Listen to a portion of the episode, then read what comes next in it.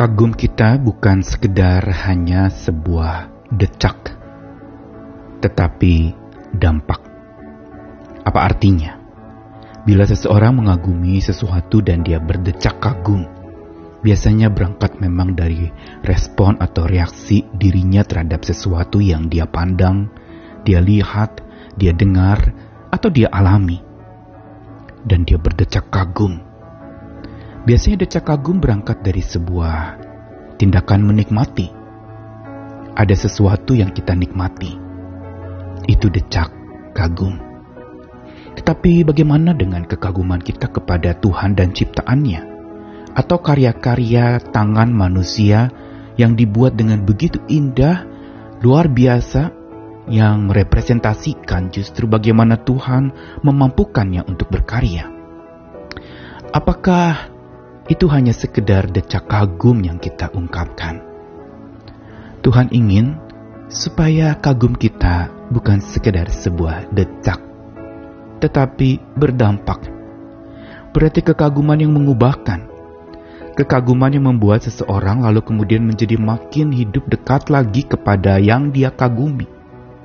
Kekaguman yang membuat seseorang justru menceritakan kepada banyak orang tentang sosok yang dia kagumi itu.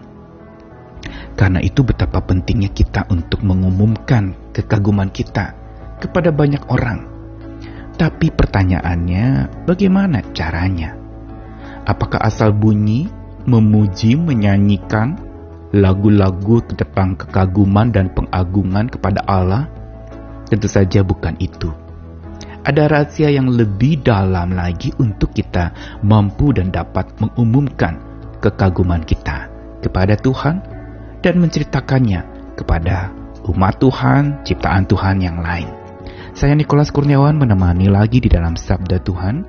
Hari ini dari dua ayat yang pertama di perjanjian lama dari Mazmur 89 ayat 1 sampai 3 atau di sebagian Alkitab 89 ayat 2 sampai 3. Nyanyian pengajaran Ethan orang Israel, aku hendak menyanyikan kasih setia Tuhan selama-lamanya hendak memperkenalkan kesetiaanmu dengan mulutku turun-temurun. Sebab kasih setiamu dibangun untuk selama-lamanya. Kesetiaanmu tegak seperti langit. Lalu kemudian di dalam satu bagian Yohanes pasal 4 ayat 39 tentang seorang perempuan yang menyaksikan kekagumannya pada Tuhan.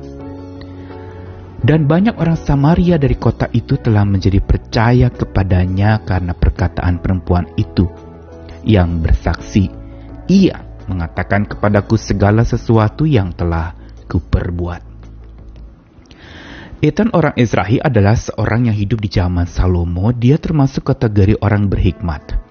Berarti orang bijak yang bukan sekedar asal bunyi di dalam dia mengungkapkan isi hatinya atau masmurnya sehingga kita amini dan imani bahwa apa yang dia ungkapkan di Mazmur 89 berupa nyanyian pengajarannya itu lahir dari sesuatu yang berangkat dari hikmat, kebijaksanaan. Dan yang pasti karena berangkat dari kebijaksanaan, apa yang dia ungkapkan itu adalah sesuatu kebenaran yang bukan sekedar tertulis tetapi dia alami. Sebagaimana dia awali dengan sebuah ungkapkan, aku hendak menyanyikan kasih setia Tuhan selama-lamanya hendak memperkenalkan kesetiaannya dengan mulutku turun-temurun. Sebuah komitmen iman dari hikmat yang dalam dari itan orang Ezrahi yang melihat betapa kasih setia Tuhan itu sungguh dibangun untuk selama-lamanya berarti kekal dan kesetiaannya itu tegak seperti langit yang berarti kokoh dan kuat. Apa yang Ethan pernah alami bagaimana Tuhan menyertai hidupnya dan menjadi sumber hikmatnya itu yang melahirkan sebuah kekaguman. Perhatikan bagaimana makin seseorang mengalami Tuhan dan mengalami dahsyatnya Tuhan, mengalami berkhasiatnya Tuhan dalam hidup, maka akan semakin kuat pula kekagumannya kepada Tuhan yang tidak dapat dia tahan untuk tidak dia sampaikan dia akan terus menyampaikan bahkan komitmennya adalah ingin memperkenalkan Tuhan, kesetiaan Tuhan turun temurun dan selama-lamanya. Berarti kalau turun temurun kepada semua keturunannya. Kepada semua anak cucunya. Dia ingin perkenalkan. Semakin banyak orang yang dia ingin supaya orang tahu tentang kesetiaan Tuhan. Dan lalu kemudian kalau kita bandingkan di dalam Yohanes pasal 4 ayat 39 tadi, ketika seorang perempuan Samaria yang berjumpa dengan Yesus, dan lalu terjadi perubahan dalam hidupnya karena Yesus tahu apa yang dia telah perbuat dalam hidupnya yang penuh dengan kelam dan dosa itu. Dan perhatikan bagaimana orang Samaria dari kota itu jadi percaya kepada Tuhan karena perkataan perempuan yang mengagumi Yesus yang bersaksi, ia katakan kepadaku segala sesuatu yang telah kuperbuat. Pengalaman perjumpaannya dengan Yesus menjadikan bahan yang sangat kuat membuat perempuan Samaria itu tidak bisa tidak menceritakan kepada banyak orang. Dia mengumumkan kepada halayak ramai sampai dikatakan banyak orang yang jadi percaya kepada Tuhan.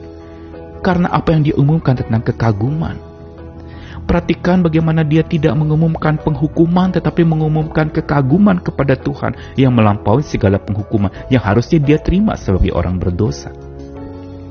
Inilah kita lihat bagaimana kekaguman kita akan mengalir, flowing begitu rupa secara natural, secara alami.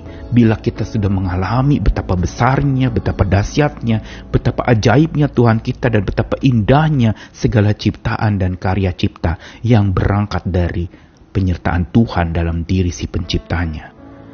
Sungguh luar biasa. Hari ini kalau kita mau memeriksa diri kita, bagaimana pengalaman kita dengan Tuhan? Apakah kita sudah sungguh mengalami dia? Mengalami bagaimana dia begitu memberikan sesuatu yang membuat kita kagum. Tentu saja yang mengagumkan itu adalah sesuatu yang berkaitan dengan hidup kita bukan semata harta benda yang kita terima, tapi berkat rohani yang tak ternilai dan tak tertandingi, yang tak dapat binasa yang Tuhan berikan, yang harusnya itu membuat kita tidak bisa berhenti mengumumkan kekaguman kita kepada Tuhan sampai orang-orang datang kepada Tuhan dan ingin tahu seperti apa sih Tuhan itu. Dan bukankah kita juga tahu Maria, ibu Yesus ketika mendengar berita kabar baik tentang dia akan melahirkan bayi seorang juru selamat, dia melonjak kegirangan dan dia ceritakan sesegera mungkin kepada saudaranya Elizabeth. Dia harus berjalan begitu lama untuk hanya mengumumkan kekagumannya bagaimana Tuhan menyapa dia lewat kehadiran malaikat. Dan masih banyak lagi tokoh-tokoh dalam Alkitab yang mengajarkan kepada kita untuk mengumumkan kekaguman dari pengalaman kita bersama dengan Tuhan yang mengagumkan itu. Bukan saja pribadinya, tetapi karakternya, karyanya, keajaiban kasihnya yang patut kita umumkan. Mari setiap hari kita mulai dengan sebuah disiplin baru. Umumkan kekaguman kita kepada Tuhan, kepada banyak orang. Supaya mereka juga ikut mengagumi Tuhan, ikut mengagungkan Tuhan. Tentu saja bukan sekedar bahasa bibir atau ungkapan bibir semata, tapi lahir dari pengalaman, lahir dari sebuah sukacita yang dalam, lahir dari sebuah pengalaman betapa Tuhan ajaib. Mari kita lakukan bersama, umumkan kagummu kepada makin banyak orang agar mereka mengagumi Tuhan dan datang terus kepada Tuhan. Amin.